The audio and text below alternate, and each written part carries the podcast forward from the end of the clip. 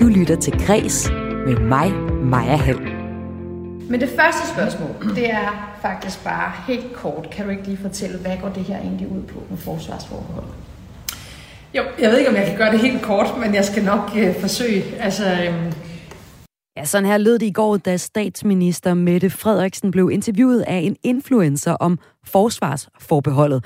Og på den måde sniger hun sig uden om mediernes spørgsmål, lyder kritikken fra branchen. Og det taler jeg med en politisk kommentator om, først her i Kulturmagasinet Græs på Radio 4, som du har tunet ind på. What is it you want? Your absolute, unquestioning loyalty. Anything. Han har været smidt på filmporten de sidste fem år på grund af anklager om seksuelle overgreb. Men øh, nu er den prisvindende amerikanske skuespiller Kevin Spacey, kendt fra for eksempel House of Cards, som vi hørte et klip fra her, aktuel i flere film. Og også komikeren Louis C.K. og skuespilleren Johnny Depp prøver at få rystet krænkelsessagerne af sig. Kan det lykkes? Og betyder de her eksempler, at cancel culture måske endda er cancelled? Det taler jeg med to gæster om senere i udsendelsen. En udsendelse, hvor vi også skal have et portræt af en af de største forfattere lige nu. Franske Annie Ernaux. Hun er aktuel med en selvbiografisk film om ulovlig abort, og sidst i udsendelsen, der kan du ud over den historie også høre om de største trends inden for influencer lige nu. Jeg hedder Maja Hall. Velkommen til Kulturmagasinet Kres hvor vi altså starter med historien om øh, statsministerens seneste interview. Det var en foræring for Mette Frederiksen, at hun kan tale til så stort et publikum uden kritiske spørgsmål. Sådan lyder meldingen fra Berlingskes politiske kommentator Bent Winter, efter at statsministeren deltog i en halv time langt live-interview med influenceren Carla Mikkelborg i går eftermiddags. Velkommen, Mette. tak. Velkommen til jer. Vi sender live både på Mettes profil og på min profil.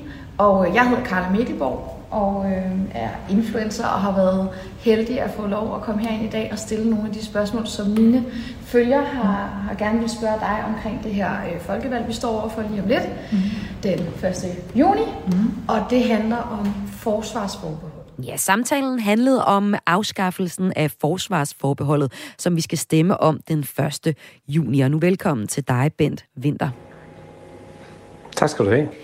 Hvorfor mener du, at det er en foræring for Mikkel Frederiksen at tale til Carla Mikkelborgs øh, følgere? Jamen det er jo fordi hun øh, igennem øh, den her livesending sammen med, med, med Mikkelborg, som jo har rigtig mange følgere øh, på Instagram, der, der kommer hun ud til et helt andet publikum, end hun ellers kommer ud til.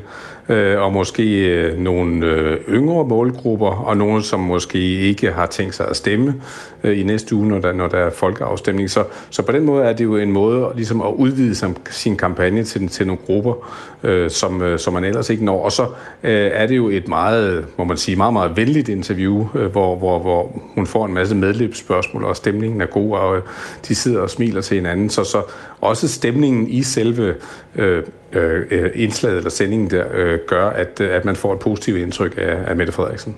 Og influenceren Carla Mikkelborg har nemlig næsten 130.000 følgere på det sociale medie Instagram, hvor øh, interviewet fandt sted, og også kendt fra at have været med i øh, for eksempel Far til 4-filmen fra, fra nullerne. Altså ser du det egentlig som problematisk, at Mette Frederiksen stiller op på en influencers Instagram-profil? Altså, jeg ser det som, som et led i en tendens, som vi har set igennem efterhånden øh, mange år, nemlig at, øh, at politikerne prøver at snige sig udenom de sådan, traditionelle journalistiske medier øh, og gerne vil øh, ud til øh, vælgerne uden filter. Altså det kan være på Facebook, hvor den tidligere statsminister Lars Løkke Rasmussen jo havde sådan nogle enetaler, hvor han enten stod, sad i sin stue eller stod ude på sin, sin altan eller, eller gjorde et eller andet, hvor, hvor han kan man sige, så talte, uden at der var nogen, der stillede spørgsmål, så tegn ved. Det her, det kan man sige en videreudvikling af det, hvor, hvor man så tager øh, en influencer, som så får, kan formentlig få en eller anden betaling for det, øh, og, og, og, og på den måde promovere øh, Mette Frederiksen. Jeg synes, det er problematisk, hvis ikke man deklarerer det og siger, at det her det er ikke et journalistisk øh, produkt, men, men det er sådan ligesom øh, en, en, en reklame, en del af en, en kampagne. Og hvorvidt det har været, øh, om det skulle være deklareret eller ej, der er, øh, det er også et spørgsmål, som Karla Mikkelborg selv bliver, bliver stillet. Og øh, der, der er en, der skriver og spørger om det lige præcis i kommentarfeltet, og der svarer øh, Karla Mikkelborg, øh, nej, det er det ikke, altså det er ikke reklame. Alt er klaret med jurister osv. Det er en oplysende livestream om det kommende folkevalg. Kan man godt dække sig ind under det svar, mener du? Det er i hvert fald ikke sådan, at vi normalt øh, prø- øh, omgås vores politikere, altså selv i, øh, i programmer, som måske ikke er så kritiske som andre øh, øh tv-programmer, eller radioprogrammer, eller øh, skrevne medier. Øh, der prøver man og i hvert fald at stille nogle spørgsmål, som også øh, går, går kritisk til værks. Det her, det er, det er, er meget medløb og meget venligt fra, fra ende til anden, så, så derfor er det en, en, en ny genre. Og øh, en genre, vi faktisk også øh, tog hul på øh, for en lille uges tid siden. Sidste fredag, der lancerede statsminister Mette Frederiksen nemlig sin egen podcast, hvor hun taler med forskellige danskere. Den øh, første gæst i podcasten med navnet Statsministerens Spørger var øh, chefredaktør på Information Rune Lykkeberg.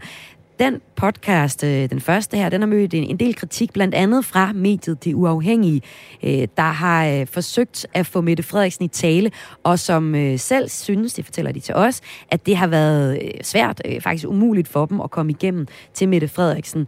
Det fik dem så forud for Mette Frederiksen snak med, med Carla Mikkelborg til at, at opfordre deres følgere til på Facebook at gentage det samme spørgsmål utallige gange i kommentarsporet, da influenceren og statsministeren sendte live, for på, så på den måde at komme igennem til statsministeren øh, med deres spørgsmål. Det fortæller radiovært på øh, mediet, Christoffer Lind. Jeg husker dengang, der var en korte radiovis, der talte man om sådan en trolde her. Det var jo lidt det, vi aktiverede, men det var jo også med et, øh, et seriøst formål. Altså fik medlemmerne til at stille det, det samme spørgsmål. Og den sådan mere seriøse årsag til det, det er, at det er meget, meget svært. Ikke bare for os som et, øh, et lille selvfinansieret medie, men for de fleste medier på Mette Frederiksen, statsministeren, i, øh, i tale til de mere kritiske spørgsmål, har vi i hvert fald øh, følt. Og så tror jeg, at vi følte, det var lidt provokerende. Hun laver en podcast, der hedder Statsministeren spørger, fordi kunne hun ikke godt svare lidt i stedet for. Og øh, så har vi bare følt, at øh, vi har rigtig mange spørgsmål egentlig både til Trine Bramsen, tidligere forsvarsminister, og til Mette Frederiksen, som vi har forsøgt at få svar på i forhold til denne her afstemning. Og vi ved snart ikke, hvad vi skal gøre længere, og så tænkte vi, nu gør vi noget kreativt. Nu prøver vi på en eller anden måde at bruge nogle nye kanaler veje ind til at få sådan et spørgsmål igennem til, øh, til statsministeren. Det lyder det altså her fra en radiovært på Den Uafhængige. Bent Winter, politisk kommentator på Berlingske. Mener du også, at det er svært at få Mette Frederiksen i tale, som vi øh, hører øh, en journalist fortælle her? Øh, ja, det synes jeg, det, det, det, det er det jo. Øh, øh, det er det, og det har jo selvfølgelig nogle, nogle forklaringer, som, jo også bunder i, at når man er statsminister, så har man meget, meget andet, man skal tage sig til, end at, end at svare spørgsmål fra, fra journalister, og der er rigtig, rigtig mange medier, der gerne vil i, i kontakt med hende. Men det skal ikke være nogen undskyldning. Jeg synes, hun skal stille op så meget, som hun overhovedet kan, Øh, og hun kunne sagtens også stille øh, mere op, end, end hun gør nu, og, og, og især når hun så bruger øh, en time, eller hvor meget det nu er på øh, Carla Mikkelborg, altså at, at hun så ikke, kan man sige, så, så, så må man kræve, at hun også stiller op der, hvor hun, øh, hvor hun får de, de kritiske spørgsmål. Men jeg vil også sige til, til den uafhængige. Altså, man må jo også nogle gange prøve, hvis ikke man kan få statsministeren i tale, så kan man måske få en anden minister, eller en ordfører, eller, eller et eller andet. Altså, der går også nogle gange sådan lidt konkurrence i, at øh, øh, uha, statsministeren vil ikke øh, sige noget, hun vil ikke svare på vores kritiske spørgsmål, så hun har nok et eller andet at skjule. Altså, det, det, det bliver også en, nogle gange sådan en journalistisk øh, gimmick, som jeg ikke rigtig bryder mig om. Men så vidt jeg husker, så øh, var, øh, var, var Berlingske øh, også selv ude at kritisere den her podcast, øh, podcast som, øh, som statsministeren har lanceret, øh, men netop noget af den samme kritik, som vi hører fra den uafhængige her, altså at, at øh, statsministeren ikke stiller op så ofte, som man kunne drømme om. Også på et større etableret medie som, som Berlingske. Altså, har I også været ved at få fat i hende? Altså, vi har sådan på daglig basis jo, jo svært, ved, der svært ved at få fat i, der er det meget sjældent, hun stiller op. Hun stiller op til nogle øh, store interviews hos os øh, indimellem, og så kan vi jo fange hende, når hun for eksempel efter spørgetimen stiller op til, til interview eller holder pressemøde om, om det ene og det andet, så, så, så kommer vi og stiller øh, de spørgsmål, som vi gerne vil. Så, så, så det, det er de muligheder, øh, øh, vi har.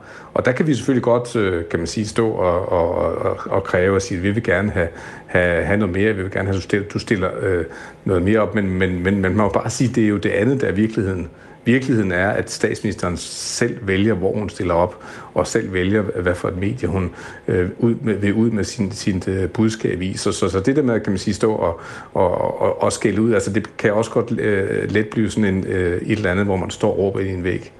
Man kan så også sige, at øh, Christoffer Lind fra Den Uafhængige og Den Uafhængige fik øh, faktisk også svar på deres spørgsmål, øh, fordi de gjorde det, øh, den lille gimmick, som lykkedes for dem, og bede deres øh, følgere om at stille det spørgsmål, som de ikke var lykkedes med at komme igennem med til, til Mette Frederiksen gennem de traditionelle øh, måder, altså gennem pressetjenesten. Det gjorde de simpelthen ved at få, få stillet spørgsmålet til den her, den her live-interview med influenceren, og, og det gik jo sådan set også ganske nemt, fortæller Christoffer Lind her det er jo godt nok for os, det her, på sin vis, øh, fordi vi jo så tænker lidt, øh, lidt kreativt at få noget ud af det.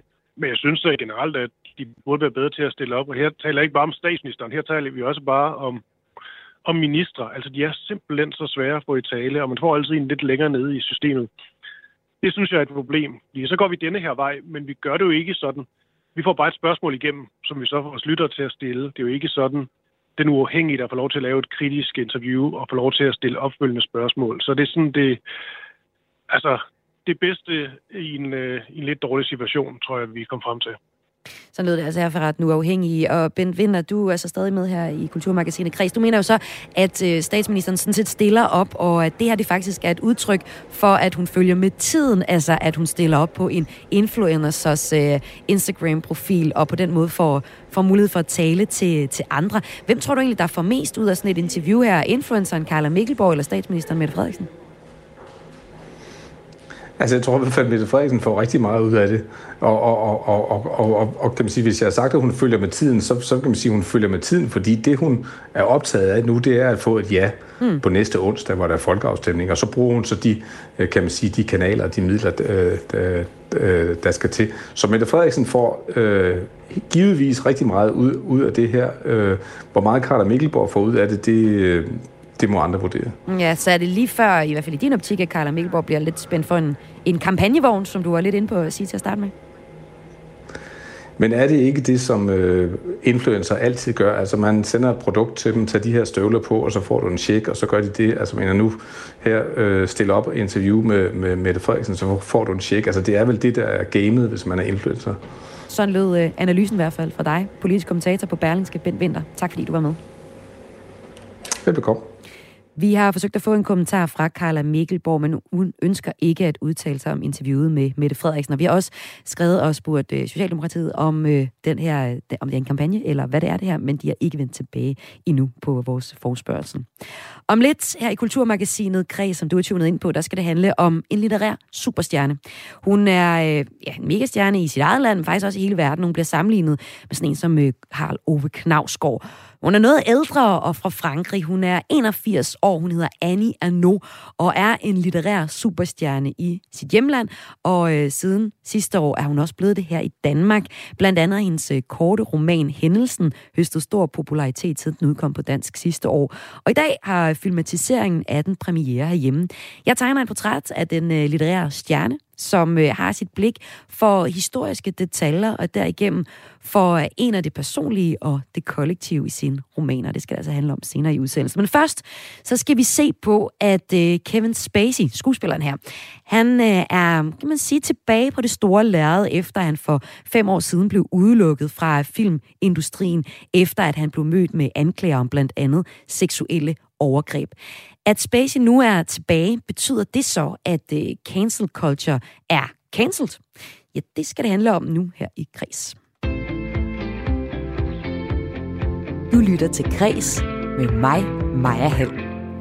I Oscar-filmen American Beauty fra 1999 spillede Kevin Spacey en mand i midtlivskrise, der bliver forelsket i sin teenager, teenager-datters bedste veninde. Today I quit my job, and then I blackmailed my boss for almost $60,000 past the asparagus. Your dad's actually kind of cute. I think he and your mother have not slept together in a long time. Shut up! Og Kevin Spacey vandt en Oscar for sin skuespilpræstation i American Beauty. Det samme gjorde han til uh, Emmy Awards for sin rolle i House of Cards fra 2013, hvor han spiller den uh, amoralske politiker Frank Underwood, der ønsker sig magt for alt i verden. I protect your identity. I print whatever you tell me, and I'll never ask any questions. So we're talking about trust. What is it you want? Your absolute, unquestioning loyalty. Anything. I want it over. I'm sorry, Mr. President, but I will not do that. Kevin Spacey var en succesfuld amerikansk skuespiller med kaminhylden fuld af filmpriser.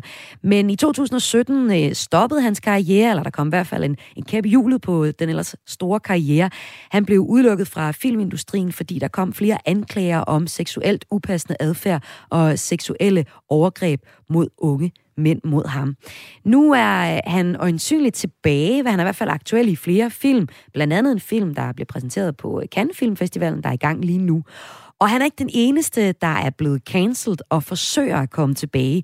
Det her det gælder for eksempel også komikeren Louis C.K., der igen turnerer verden rundt, efter at have krænket flere af sine kvindelige kollegaer. Og øh, aktuelt er Pirates of the Caribbean-skuespilleren Johnny Depp i gang i en retssag mellem ham og hans tidligere kone, hvor øh, MeToo-bølgen har fået sådan et twist her, fordi øh, han siger, at han, ligesom ekskonen, har været udsat for vold i hjemmet. Og med de her tre eksempler, så kunne man måske kigge lidt på cancel culture og stille sig spørgsmålet, er cancel culture ved at cancele sig selv? Det skal vi i hvert fald tale om nu her i Kulturmagasinet Kreds, og øh, det skal vi med to gæster. Den ene, det er dig, filmredaktør Jakob Ludvigsen. Velkommen til. Tak. Som øh, filmredaktør på Soundvenue har du fulgt med i cancelled kendiser i filmbranchen, og det er den viden, vi skal bruge nu. Og jeg kan også sige velkommen til køn- og medieforsker Lene Bull Christiansen. Velkommen til dig. Tak skal du have. Du beskæftiger dig som medieforsker med populærkultur, herunder fænomenet cancel culture, som er et begreb, du er faktisk ret kritisk overfor, og det perspektiv skal vi også have i snakken. Men øh, lad os starte med årsagen til, at vi ser nærmere på, jeg har lyst til at sige, fænomenet cancel culture. Lene, hvad mener du, at det er et udtryk for, at en skuespiller som Kevin Spacey er aktuel her fem år efter, at øh, han var totalt cancelled på grund af seksuelle krænkelser? Altså det betyder jo nok, at der er nogen i filmbranchen, der mener, at nu har publikum glemt den her skandale, og nu kan man så ligesom godt vende tilbage og bruge ham igen. Og hvad siger du øh, til det, Jakob Lødsen? Jamen det, det er jo rigtigt, at, at der er nogen, der tænker, at Kevin Spacey er stadig en populær skuespiller hos mange, som ikke går så meget op i, hvad han har, har lavet i, i privaten. Øhm, den anden side af det er, at de projekter, Kevin Spacey har, har på vej, det er nogle, nogle meget små eller sådan B-filmsagtige projekter, som de blandt andet på Cannes Festivalens markedsplads ligesom prøver at få en finansiering øh, til blandt et hav af andre øh, film, vi aldrig nogensinde kommer til at høre om i Danmark. Øh, så så, så det, det, han er aktuelt lige nu, er nogle små europæiske projekter i Kroatien og Italien, og så, så nogle amerikanske projekter, som, som ikke har Hollywoods opbakning, som er det, man må kalde sådan B- eller, eller måske C-film. Øh, så det, det er nok ikke film, øh, vil jeg tro, som vi kommer til at se på de danske biograflærere. Så man kan ikke tale om en reel comeback, som man ellers har kunne læse i nogle øh, udenlandske mediers overskrifter, at Kevin Spacey er tilbage. Men lad os lige prøve at se på, hvad det er for et, søg, for et, for et forsøg, Kevin Spacey er i gang med. Øhm, i, hvis vi tager historien, så i oktober 2017, der anklagede skuespiller Anthony, Anthony Rapp øh, Kevin Spacey for at have gjort øh, et, øh, en øh, seksuel tilnærmelse til ham i, i 86, da rap var 14 år gammel. Og øh, andre mænd påstod, at Spacey havde gjort øh, uønskede tilnærmelser, og også havde chikaneret og overfaldt dem seksuelt. Og det betød blandt andet, at øh, House of Cards, streamingtjenesten Netflix, stoppede samarbejdet med øh, Kevin Spacey. Når vi så snakker om, at han er aktuel nu i flere film, så er det for eksempel Kino.dk, der, der samler og peger på fire film, som, øh, som man kan se ham i, eller næsten. Det er ikke de største film, som vi også hører dig sige her, Jakob Ludvigsen. Det er for eksempel ja, en kroatisk film, der omhandler historien om Kroatiens første præsident, som Spacey så spiller. Øhm, han er så også øh, i filmen øh, Peter 5 AIDS på, på tapetet, som øh, ifølge The Hollywood Reporter bliver, bliver vist på øh, Cannes Film Festival, hvilket du så også siger, Jakob Ludvigsen, det har ikke den største betydning. Der bliver også på en ellers prestigefuld festival som kan vist alt muligt øh, mindre godt. Men kan det her egentlig betyde, at det her det er, er vejen tilbage for, for Spacey, at han at trods alt er, er aktuel i flere film? Altså kan det lykkes i din optik for Kevin Spacey at blive uncancelled, for at bruge det udtryk? Altså, det, det kan man ikke afvise. Jeg tror dog, at vi er et stykke vej fra, at sådan de store magtspillere i Hollywood, for eksempel Netflix, som, som havde et rigtigt øh, godt forhold til Kevin Spacey, inden øh, alle de her ting kom frem, at de ligesom vil gå, øh, lukke ham tilbage ind i varmen. Øh, der tror jeg, enten skal der gå øh, rigtig lang tid, eller også skal han ligesom komme ud og have en eller anden form for erkendelse af, at de ting, han gjorde, øh, ikke var specielt fede. Og det Kevin Spacey har gjort, som ligesom har, har egentlig vanskeligt gjort hans øh, vej tilbage til, til rampelyset, har været, at han har haft sådan en ironisk distance over for anklagerne, og egentlig følt sig ekstremt uretfærdigt behandlet.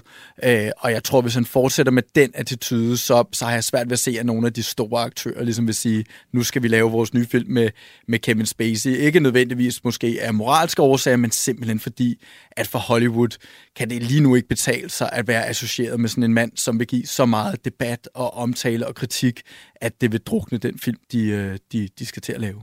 Og for ligesom at se på, hvad det er, at han skal tilbage fra, altså hvordan han er blevet cancelled, så øh, som, øh, som kønner og medieforsker Line Bulle Christiansen, så lad os lige se på, hvad cancel culture egentlig er. Altså betegnelsen øh, er opstået i USA i kølvandet på, på MeToo og Black Lives Matter-bevægelsen. Den dækker over, at der er kommet et større fokus på betydningen og konsekvenserne af eksempelvis homofobiske, sexistiske eller racistiske udtalelser og ikke mindst handlinger. Man siger for eksempel, at Harry Potter-forfatteren J.K. Rowling er blevet cancelled, fordi hun på internettet blev kritiseret for udtalelser, der blev opfattet som transfobiske.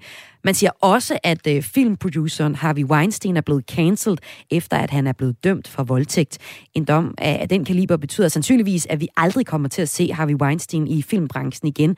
Men øh, flere af de, der ellers er blevet øh, cancel forsøger jo så netop at komme tilbage. Det er det, vi taler om, om i dag. Det gælder for eksempel Johnny Depp, Louis C.K., og de eksempler skal vi også se nærmere på. Men først sådan lige overordnet, øh, som kører medieforsker Lene Bull Christiansen, hvad sker der med cancel culture-fænomenet lige nu i, i din optik? Altså, der sker jo det, at øh, det, som øh, man øh, kalder cancel culture, øh, bliver brugt som begreb, eller som om det var et fænomen, øh, som man hvis man er øh, forkæmper for, at øh, mænd skal have lov til at gøre, som det passer sig, øh, eller at øh, man, man ikke synes, at der skal gøres op med racisme eller transfobi osv., osv., så kan man rette sin vrede imod det her fænomen, øh, cancel culture. Og det betyder, at det kan blive brugt i sådan en backlash-bølge øh, øh, efterfølgende de her øh, rettighedskampe, altså både MeToo og Black Lives Matter osv filmredaktør Jakob Ludvigsen, øh, passer det meget godt med, med det billede, du ser i, i øh, filmbranchen, som, som Lene Bull Christiansen siger her? Ja, det er jo sådan noget, der bliver, bliver appliceret på alle tilfælde lige nu. Ikke? Lige fra den, den helt grove Harvey Weinstein, som, som er anklaget og dømt for seksuelle overgreb og voldtægter på utrolig mange øh, øh, vidner, der, der er stået frem. Ikke? Og så helt frem til, der, der var en instruktør for nogen der James Gunn, hvor at man hævde nogle gamle jokes, øh, han havde lavet øh, for, for flere årtier siden, og gravede dem frem. Ikke? Og så knytter man også ligesom siger, nu er han blevet cancelled. Ikke? Og, og, og det er jo, ja, det er jo lidt, nogle gange lidt en, en sandhed med modifikationer, fordi ofte så vil de her personer altså have, have fuld gang i deres karriere, øh, selvom at de har fået kritik for nogle af de, de ting, de har gjort eller, eller sagt tidligere. Hvorfor er det sådan, tror du? Ja, altså man kan sige, at i Hollywood lige nu er man ekstremt opmærksom på, at øh, at det, der er sådan et let antændeligt bål, øh, hvis man ender med at have forretninger med nogen, som bliver anklaget for ting. Og derfor har man også haft tilfælde, hvor man har fyret folk måske lidt, lidt for tidligt. Det er for eksempel med James Gunn, jeg lige nævnte. Han røg egentlig af en film, øh, fordi der kom den her debat, men så gik det godt op for alle, at, at det måske lidt var en, en overreaktion. Ikke? Øh, men, men fra, altså Hollywood er lidt gået fra, at man, man ligesom har været ligeglad med, hvad folk gjorde i privaten, mere eller mindre, medmindre det virkelig, virkelig var kriminelt, og der var øh, konsekvenser i retssagen. Og så til nu, at, at man er ekstremt forsigtig, fordi man ved, at det kan være enormt øh, skadeligt. Ikke? Så, så ja, så der, der, der, Hollywood reagerer helt klart på, hvad skal man sige, den her cancel-kritik, der stammer fra nogle gange nogle ret få sådan Twitter-profiler osv. Og hvis vi nu skal tage nogle andre eksempler, nu er ligesom taget udgangspunkt i, øh, i øh, Kevin Spacey og øh, hans forsøg på at komme tilbage. Der er også en, en komiker som Louis C.K., som bliver kaldt nogle gange verdens bedste komiker. Han øh, har for nylig optrådt for øh, rimelig fulde huse i Danmark, og det gjorde han egentlig til trods for anklager om krænkende adfærd. Krænkelser, øh, som han har kendt og, og, og faktisk bruger i sin comedy, og på den måde, så kan man sige, at han forsøger meget aktivt at sådan uncancel sig selv. Så er der eksemplet med øh, Johnny Depp. Han er i en retssag, som er i gang lige nu mellem ham og hans ekskone Amber Heard. Helt, helt kort, så handler retssagen om, at Amber Heard i 18 skrev en klumme i avisen Washington Post om vold i hjemmet. I klummen, der nævner hun ikke Depp ved navn, men øh, kort efter, så bliver han fyret, altså Depp fra øh, Disney's Pirates of the Caribbean franchise. Og øh, nu har han sagsøgt hende for 50 millioner dollars for bagvaskelse. Og hun har så modsagsøgt ham for 100 millioner dollars, og i, i uh, retssagen så anklager de hver især hinanden for at være voldelige partner. Med, med sådan et eksempel som Johnny Depp, er, er han så måske øh, nærmere ved at blive øh, uncancelled? Altså, kan den her retssag faktisk godt komme ud, så det er godt for ham? Jakob Oludvisen, undskyld. Øh, ja, altså jeg vil sige, han, der, der, der sker et eller andet muligt, sådan lidt paradigmeskift lige nu omkring Johnny Depps sag, øh, i forhold til, at selv folk, som egentlig mener, det var fair nok, at der har været nogle hårde konsekvenser for Kevin Spacey eller Louis C.K. og nogle af de andre, at at man kigger på Johnny Depp-sagen, og det hele er så mudret, at, øh, at man, man, mange nok begynder at tænke sådan, om, har han virkelig fortjent, at, at, at nu skal han aldrig have en chance øh, i Hollywood igen. Og den sag har jo virkelig del vandet. Der der Johnny Depp-fansene er ekstremt på barrikaderne på sociale medier øh, og, og, og angriber Hollywood-cykleri i, at Amber Heard, som jo også har kendt vold i deres forhold stadig kan have roller, og sådan, så man kan sige, at den sag har ligesom inkarneret, hvor, hvor, hvor hårdt fronterne er, er trukket op, men man kan også være en sag, som ligesom baner vejen for, at man også kan komme tilbage efter en, øh, efter en sådan, ja, en, en, en, en cancel øh, øh, omgang, ikke? Mm. Øh, og jeg, jeg vil ikke afvise, at John Depp kan komme tilbage. Måske ikke lige øh, næste år eller to. Han, han har også nogle personlige problemer, han skal ud over, men, men jeg kunne godt se ham komme tilbage om måske 10 år, 5 mm. år. Så det lyder jo sådan set også, altså til det du fortæller her, Jacob Ludvigsen, at der er mange følelser involveret i det hele, og, sådan, og synsninger. Hvordan stemmer det overens med fænomenet øh, køn, øh, Lene Bull Christiansen, som, som køn- og medieforsker? Altså, altså det her med, at, at cancel culture er slet ikke så definitivt. Det handler lidt om, sådan, hvad man synes lige i tiden. Altså, cancel culture er jo grundlæggende i princippet egentlig ikke en ting. At nu sidder vi her og taler om det, som om det er en ting. Ja, ja for du har jo en pointe om, at altså, du har som forsker et ret stor modstand mod begrebet, fordi det, er, det egentlig er en, eh, noget sprogligt ret smart. Jeg prøver lige, prøver lige at fortælle, hvad er det, der er med det her ord, ifølge dig? Altså, øh, det som man jo egentlig kunne tale om, hvis man skulle tale om et kulturelt fænomen, så skulle man jo tale om konsekvenskultur og ikke om cancel culture.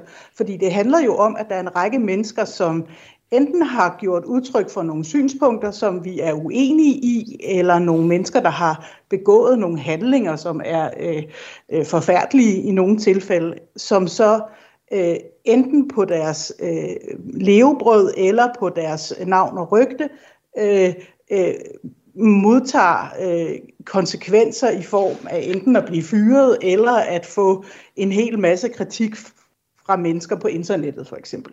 Øhm, og ved at kalde det her fænomen cancel culture, så flytter man jo faktisk øh, handlingen væk fra, fra dem, som det handler om, dem, som har gjort noget, og så til de mennesker, der reagerer på det. Øh, og, og det vil sige, at der nærmest ved at lave det her til et begreb, som handler om dem, som reagerer på noget, øh, så får man nærmest lavet sådan en øh, sammensværgelsestankegang omkring, at der er simpelthen nogen, der sidder og vil styre kulturen i et eller andet bestemt retning, øh, som, som fælder en dom øh, over, over nogle mennesker, og som mh, sådan aktivt ødelægger deres liv, i stedet for at tale om, hvad er det egentlig, de her mennesker har gjort, og hvorfor er det, at vi tager afstand fra dem. Så, så det er jo sådan set dem, der øh, er med til at, at styrke fænomenet cancel culture, kan også være med til at, at cancel det i virkeligheden? Ja, det, det tror jeg sådan set ikke. Jeg tror, at øh, dem, som, øh, dem, som har øh, navngivet det her, de, øh, de navngiver det jo fordi, at de mener, at det er synd for dem, der har øh, gjort et eller andet, og som så mærker konsekvensen af det, øh, og, som, og som derfor øh, bruger det til at, at forsvare dem mm. øh, med øh, og, og angribe dem, øh, som tager afstand fra dem. Men tror du som øh, køn- og medieforsker, jeg spørger dig lige om lidt også, øh, Jakob Ludvigsen, om det her fænomen, det er et, øh, et, et, et, et, et komma i vores kulturhistorie, eller et fænomen, der ligegyldigt, om vi, bliver, om vi kalder det cancel culture eller konsekvenskultur, kommer til at, at sætte et aftryk på, på film- og mediebranchen øh, mange år fremadrettet? Hvad starter med dig, Aline Bull Christiansen, til sidst her? Altså jeg tror helt klart, at det kommer til stadigvæk øh, at have en, øh, en konsekvens at overskride vores sådan, øh, normer og også nogle gange øh, lovgivning øh, i forhold øh, til øh, enten at øh, forgribe sig på underordnet eller at øh, have øh, holdninger, som, som, som er øh, øh, radikale. Øh, mm. og, og det tror jeg ikke, at der kommer til at, at, at være en, en, en stærk... Øh, det, det tror jeg ikke kommer til at forsvinde, men, men, men vi, er i, vi er lidt i et vadested, hvor man kan se den her Johnny øh, Depp øh, retssag som, øh, som, som skuepladsen for de her, øh, for de her ting, ikke? hvor at øh, hvor at hans forsvar jo har været enormt dygtige til at at, at bruge den her vrede imod, at, øh, at det kan have konsekvenser at være en voldelig mand, øh, hvad hedder det, øh, imod hans ekskone. Ikke? Og hvad siger du, øh, filmredaktør Jakob Ludvigsen? Kan cancel culture øh, blive cancelled? Nej, det tror jeg bestemt heller ikke endnu i hvert fald. Jeg tror, det skal finde sit leje, hvor vi mm. finder ud af, øh, at der er forskel på, hvad det er for nogle handlinger, man har begået, og hvad konsekvenserne så skal være. At det ikke er sådan en one-size-fits-all mm. øh, øh, kategori, vi går ind i, men, men, men tendensen til, at vi forholder os langt mere til ikke kun seksuelle overgreb, men også bare almindelig god opførsel på sættet, altså på optagelserne for eksempel. Øh, det, er, det er kun noget, vi kommer til at se endnu mere af, øh, tror jeg. Og så, så må vi også sige, at at, at flere af de her personer, som nu er blevet såkaldt cancelled øh, fra, fra Louis C.K. til Kevin Spacey, der er ikke nogen af dem, der rigtig er kommet tilbage nu. De er ikke kommet tilbage på det niveau, mm. øh, de har været på øh, tidligere, så konsekvenserne er på den måde stadig øh, store, og det kan man jo så diskutere, om man synes, det er, det er rimeligt. Så lød det fra øh, filmredaktør på Sound Venue, Jakob Ludvigsen. Tak fordi du var med. Selv tak. Og også tak til køn- og medieforsker Lene Bull Christiansen.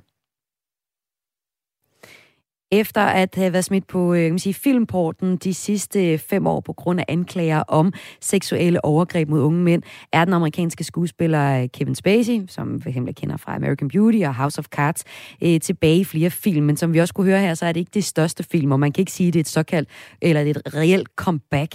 Så vi har her i taget snakken om, om cancel culture er cancelled, eller hvilken betydning de her forskellige eksempler med, med folk, der forsøger at komme tilbage, egentlig har. Og fik du ikke hele snakken med, så kan du finde programmet her. Du lytter til Kulturmagasinet Kreds som podcast, og det kan du finde i blandt andet Radio 4's podcast-app.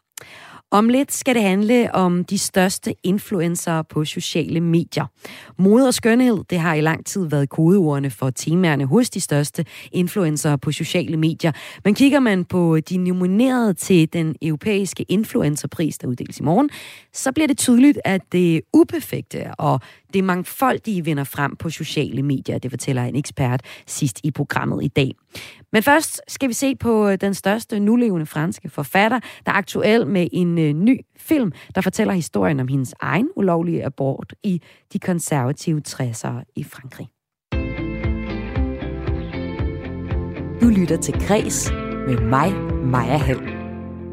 Den franske forfatter Annie Ernaux er navnet på et af de største lige nu. Med blik for historiske detaljer og den personlige forfatter og personlige historie, er hun blevet en populær forfatter. Og nu er hun en af, og nu er en af hendes bøger blevet filmatiseret. Den handler om illegal abort, noget forfatteren også selv har prøvet. Je veux poursuivre mes études. Allez-vous-en, mademoiselle. Nous n'avons plus rien à nous dire. Filmen hedder Hændelsen. Den er dansk premiere i dag og får rigtig flotte anmeldelser af både danske og udenlandske medier. Filmmagasinet Ego kalder for eksempel filmen for et rystende og komplet overbevisende abortdrama, der fremover bør vises på alle tv-stationer verden over på kvindernes kampdag. Men øh, hvem er denne verdensberømte forfatter bag filmen? Sammen med mine næste to gæster tegner jeg et portræt af Annie Arnaud. Og mine to gæster er litteraturanmelder på Dagbladet Information, Bodil Skovgaard Nielsen. Velkommen til dig. Tak skal du have. Og også velkommen til korrespondent i Frankrig for Kristelig Dagblad, Birte Pedersen. Velkommen til. Tak skal du have. Hvem, er, hvem Anja No er, og, og hvor hun kommer fra, får man et indblik i ved at læse hendes bøger. De er nemlig selvbiografiske, og Bodil Skovgaard Nielsen, du er ret begejstret for bøgerne, så lad os da starte der. Hvilket liv er det, man kan læse om, hvis man sådan kigger hen over hendes forfatterskab? Altså, det er jo et liv, der øh, skildrer de sidste øh, 80 års Frankrigs historie, men måske på en lidt anden måde, end øh, man er vant til at, at se den historie på. Det er nemlig ikke øh, sådan et liv, der handler om, om krig og om storpolitik, men hun skildrer sådan et hverdagsliv. Og det hverdagsliv, der er i Anianos eget liv, er et hverdagsliv, hvor hun kommer i virkeligheden fra nogle forældre, der begynder deres liv for sådan en... Altså, de landboarbejdere, fattige og bor med lerstampede gulve, så bliver de alligevel dernæst øh, småhandlende i en lille by og får egen forretning. Og hun tager sig endnu et videre spring op i, øh, i klasserne og kommer på gymnasiet som den første, og siden på universitetet og bliver gymnasielærer inden.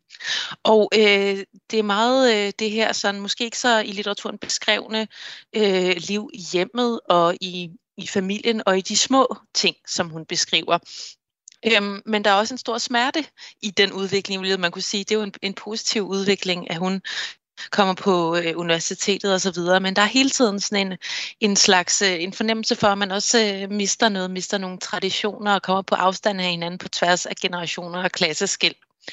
Og både øh, smerten og også den meget gode beskrivelser af de her øh, skæld, det er jo også noget af det, der, der bliver beskrevet i bøgerne, også filmen ikke mindst. Og øh, Birte Pedersen, du øh, så filmen, da den øh, havde premiere i Frankrig, og det skal vi jo også tale om nu, hvordan øh, franskmændene har taget imod den her film. Men lad os lige se på, hvad det er for en film, der er premiere i dag. Den hedder Hændelsen. Den udspiller sig i 1963, handler om, hvordan Anja Noe selv fik foretaget en abort som universitetsstuderende i det konservative Frankrig, hvor abort øh, var ulovligt.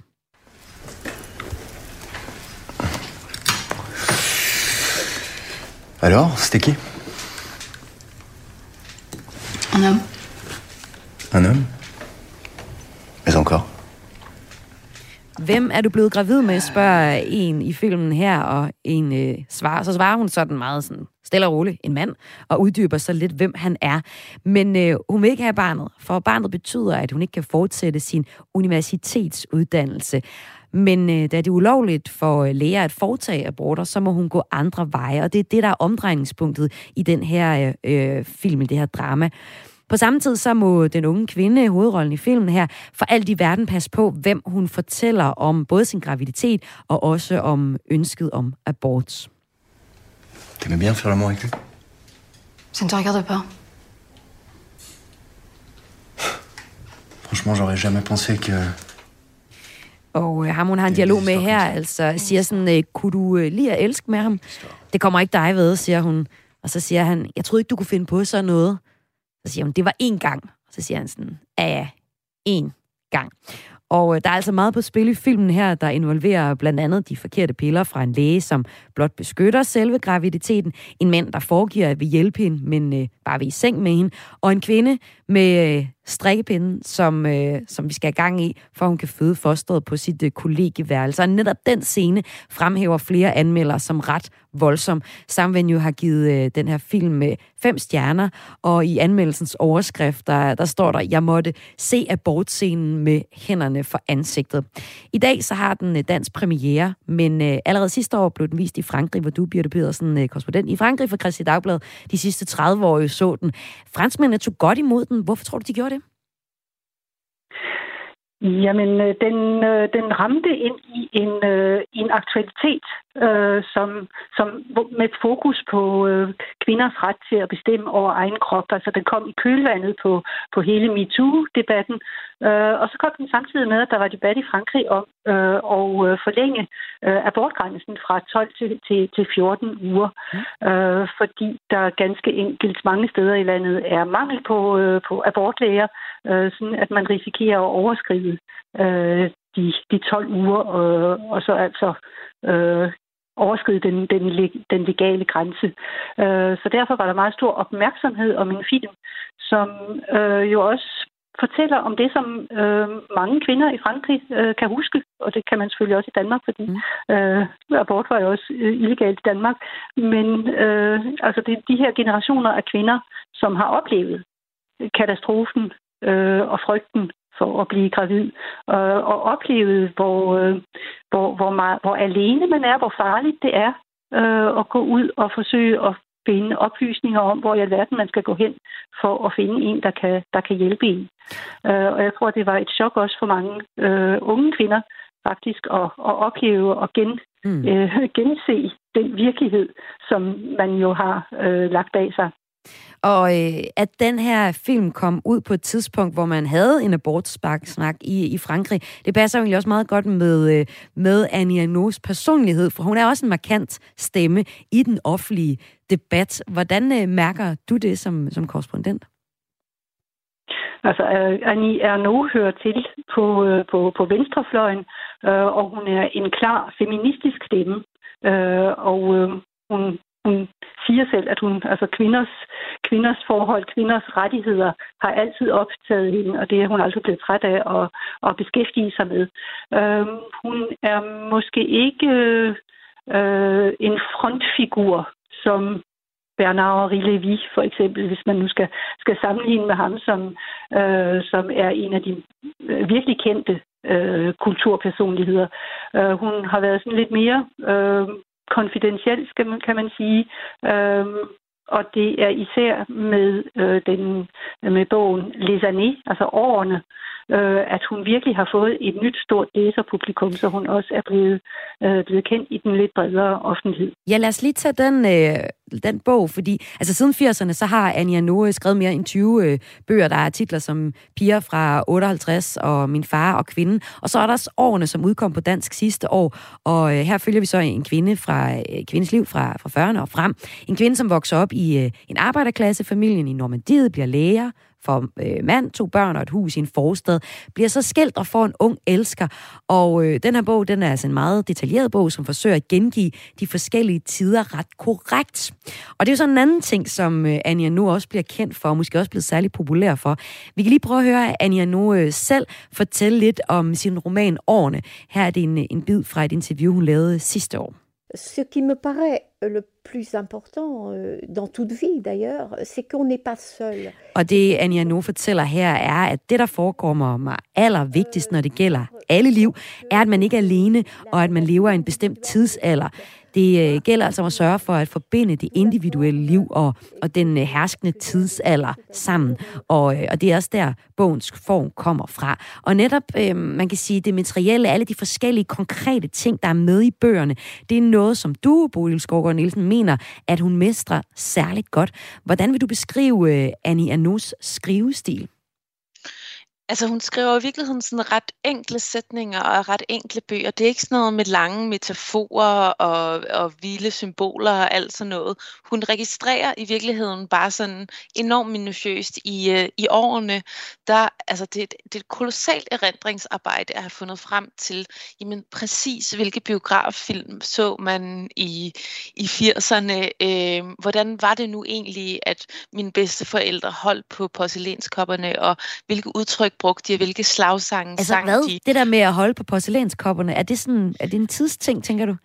Jamen, altså hun, hun registrerer nemlig tidens gang i, mm. i alle de der små ting, vi gør. Øhm, altså i, i hvordan vi opfatter os, det, der, i det tøj, vi går i, øh, som også en måde at sige på, at, at tingene forankrer os i verden, og fordi vi, øh, og, og ved at, ligesom, at bruge tingene, så tager vi også en del i en, i en større tid. Øhm, ja, og, og Birte Pedersen, øh, det her med at beskrive det meget konkret, det er måske også øh, noget, du lige kan sætte nogle ord på, fordi det er jo nogle konkrete beskrivelser af Frankrig gennem tiden. Hvor konkrete er de i romanen Årene, for at tage den? Jamen, det er helt, det er, øh, helt ned i de øh, små detaljer, som, som Bodil siger, men også øh, altså ting, som virkelig har mærket, øh, sat deres mærke på, på generationer, ligesom man i Danmark, hvis man siger matador, så øh, er der masser af mennesker, der siger, gud ja, det så vi da alle sammen. Mm. Øh, og øh, i, i, i Frankrig, eller i, øh, øh er det så for eksempel Le Petit Rapporteur, en, øh, en øh, satirisk øh, tv-udsendelse, som, som alle øh, blev øh, alle samlede sig om øh, tv-apparatet for at, for at se. Øh, det er også øh, den, den første bil, der blev købt, altså da folk begyndte at købe, kunne købe en, en 2CV efter, efter 2. verdenskrig, og hvordan den så blev skiftet ud med en lidt større model.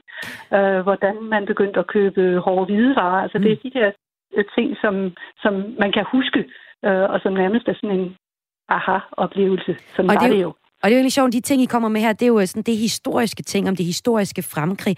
Men øh, det her, det er, det er nogle kortromaner, hun skriver. Og, øh, og faktisk mener du også, øh, Bodil Skovgaard Nielsen, at formen her taler til mange yngre læsere i Danmark.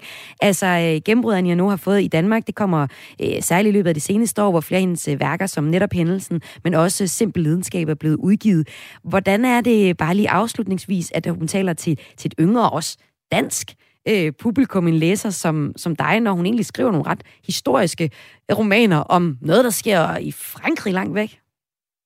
Altså for det første kan man sige, for eksempel med hændelsen, så har jo, viser hun sig jo at have haft en evne til at, at skrive vidnesbyrd om nogle ting, som vi, det viser sig, at vi desværre ikke er færdige med at tale om. Altså og skildre dem så hudløst. Ja. ja, abort for eksempel. Øhm, men for det andet, og så tror jeg i hvert fald bare, bare sådan selv i mit eget liv, så, så øh, det er jo kedeligt og præget af, at man skal vaske tøj, og at man også lige skal have, have nå at lave en kop kaffe, inden man går ud af døren. Men øh, hun får mig til at tænke tænke på, at jeg har min måde at gøre mine ting på her i 2022, og øh, min mor, der var ung i en anden periode i 80'erne end mig, og min, mor, min mormor, der så var, var pædagog og levede et helt andet liv i, i, øh, i 40'erne og 50'erne øh, på landet, de der liv, som ikke ser specielle ud på overfladen, eller hvor der er ingen af os, der har, hverken min mor, min mormor eller jeg, der har taget del i sådan de store revolutioner, men i de helt øh, almindelige liv gør hun til en del af, af tidsånden og den store europæiske fortælling om, om fremgang og modstand og, øh, og liv. Og det der med at blive sat ind i historien på den måde, for at vide, at, at, at det almindelige, ellers usete liv er vigtigt, det øh, er i hvert fald noget, der, der, øh, der rører mig, og som hun har et enormt godt blik for, at alle mennesker tager del i verden. Og det er altså Annie Arnaud, vi taler om øh, her i Kulturmagasinet i Græs, og det var et portræt, vi fik tegnet her af litteraturkritiker på Dagbladet Information, Bodil Skovgaard Nielsen, og korrespondent i Frankrig for Kristelig Dagblad, Birte Pedersen. Tak fordi I var med. Selv tak. Annie Arnaud's øh, filmatiser, filmatisering, eller filmatisering af Annie Arnaud's roman Hændelsen har premiere i dag, og får blandt andet ja, 5 ud af 6 stjerner i filmmagasinet øh, Eko. Hændelsen er omsat til af franske André Divin, der øh, sidste år vandt guldløven i Venedig for netop den her film. Du lytter til Græs med mig, Maja Halm. Lakserytteren Cecilie Havgård og Mathilde Gøler, det er nogle af de store influencer-navne herhjemme, som du kan finde på for eksempel det sociale medie Instagram. I morgen der bliver About You Awards i Europe så uddelt i Italien Milano. Det er en pris, hvor de største og mest kreative influencer bliver kåret, og hvor influencer i mange år har fokuseret på og fortalt om lækkert makeup og tøj, øh, eller det polerede hjem, så er der en tendens i år til, at der er kommet et større og større fokus på det uperfekte og andre indiater som diversitet og mangfoldighed i branchen. Det fortæller Daniel Isøj, driftdirektør ved Influencer Marketing Netværket Represented, og min kollega Lene Grønborg Poulsen har talt med ham som optakt til prisen.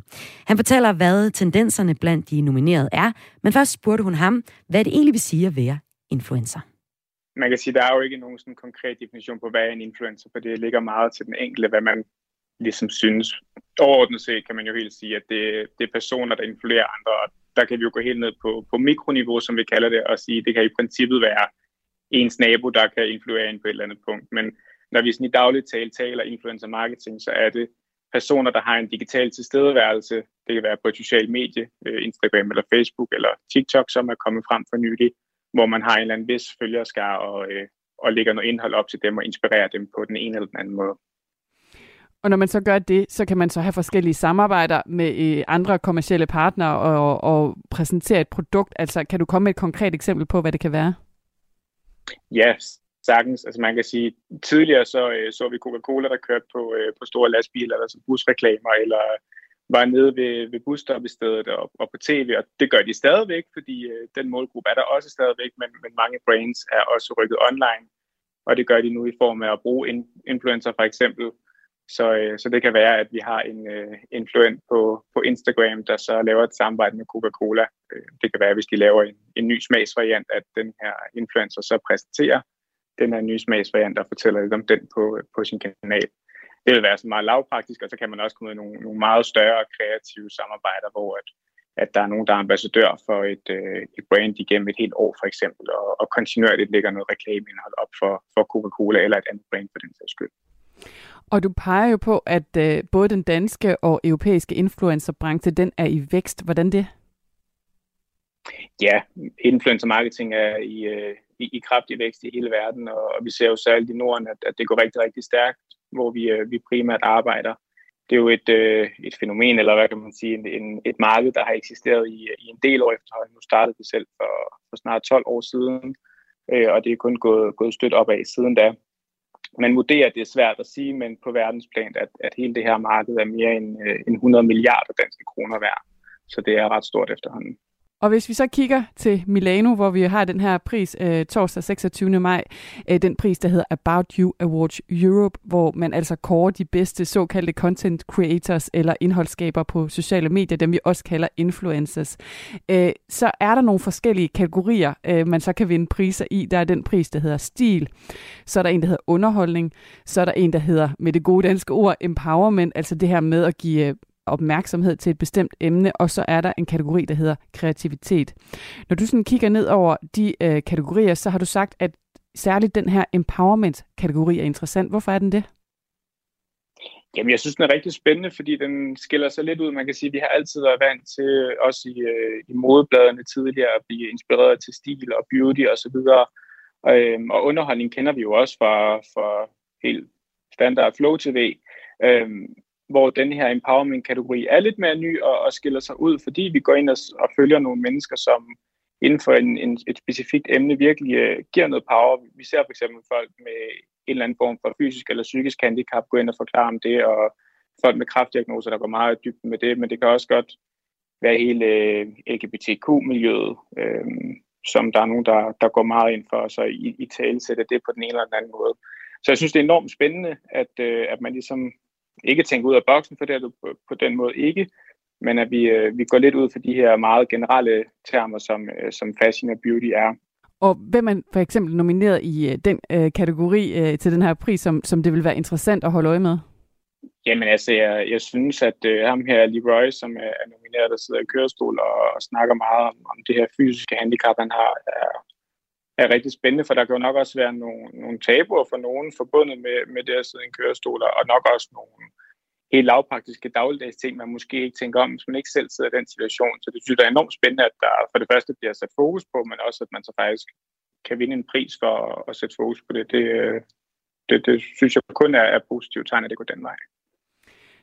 Noget, som altid har været populært på øh, de her sociale medier, som øh, for eksempel Instagram, det er stil og mode. Det her mere polerede fashion-univers, det peger du på, at selvom det stadigvæk er populært, så virker det også til, at folk gerne vil have noget andet. Hvordan det?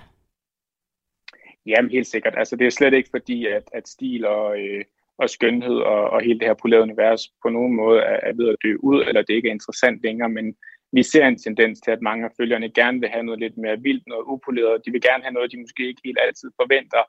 Øhm, også fordi mange af de her skønhedsprofiler og, øh, og stilprofiler godt kan være noget af det samme indhold med, med mindre variationer. Øhm, og så vi, vi ser bare generelt en, en, en bølge nu med, at man gerne vil gøre lidt op med det her perfekte billede hele tiden. Og, øhm, vi kan jo også se på den, på den danske musikscene, vi har sådan en som Jada, der er kommet frem for et år siden, som, som virkelig stormer frem øhm, og ikke er bange for at vise, hun er en lidt større pige, og, og, og taler om det i hendes sang også. Og det, øh, altså det taler jo også bare ind i hele det her, det her movement, der er med, at vi ikke, øh, vi ikke er så perfekte alle sammen. Den sidste kategori, vi lige skal prøve at se på, det er den her øh, kreative kategori, hvor at øh, influencer, de, de skaber deres eget øh, indhold. Du siger det særligt til TikTok. Ja, altså man kan sige, at TikTok, som er det her nye videoformat, der, der er stormet frem øh, i hele verden de seneste par år, øh, er bare ideelt, fordi det giver mange kreative muligheder muligheder for, for de indholdsskabere, der lægger video op på TikTok. Men det er meget mere at tegne i videoerne, lave nogle små sjove effekter, øh, sætte nogle anderledes filter ind over, der gør, at det bliver mere kreativt og lejende. Øh, vi har jo blandt andet på, på, på den danske scene, har vi jo ham, der Rasmus, der kalder sig for lakserytteren, der, der altid henvender sig til, til børn godt nok, men, øh, men som har, øh, har lavet meget af det her tegninghold tidligere også, og altid været enormt kreativ, både i hans stil, men også i hans øh, indhold generelt. Og, og det ser vi bare, at der er flere og flere indholdsskaber, der, der begynder at lege med de her kreative muligheder, som de sociale medier giver, og, og gøre det mere øh, visuelt lækkert, om man så kan sige. Og er der nogle særlige øh, nomineret til den pris her, til den her europæiske pris, som øh, det kunne være interessant at holde øje med? Jamen, hvis vi kigger på hende her, Bi Fernandes, der er, der er nomineret i, i kategorien for kreativitet, synes jeg, hun er enormt spændende at kigge på, fordi hun går ind på en, på en ny anderledes måde og leger med det kreative. Går ind, ligesom vi gør i gamle dage, hvor man klipper klister og papirskjoler ind på dukker, eller hvad ved jeg. Så gør hun lidt det samme, tager et billede af sig selv og, og tegner online digitalt nyt tøj ind på hende selv, men laver også meget af sådan nogle øh, ja, ja, det ligner noget fra, fra en animeret film, det indhold, hun lægger op, og enormt kreativt, og hun forstår virkelig at bruge de muligheder, der er, når det er, man er gået over på et online-medie i stedet for et offline-medie. Sagde her Daniel Ishøj, driftsdirektør ved Influencer Marketing Netværket.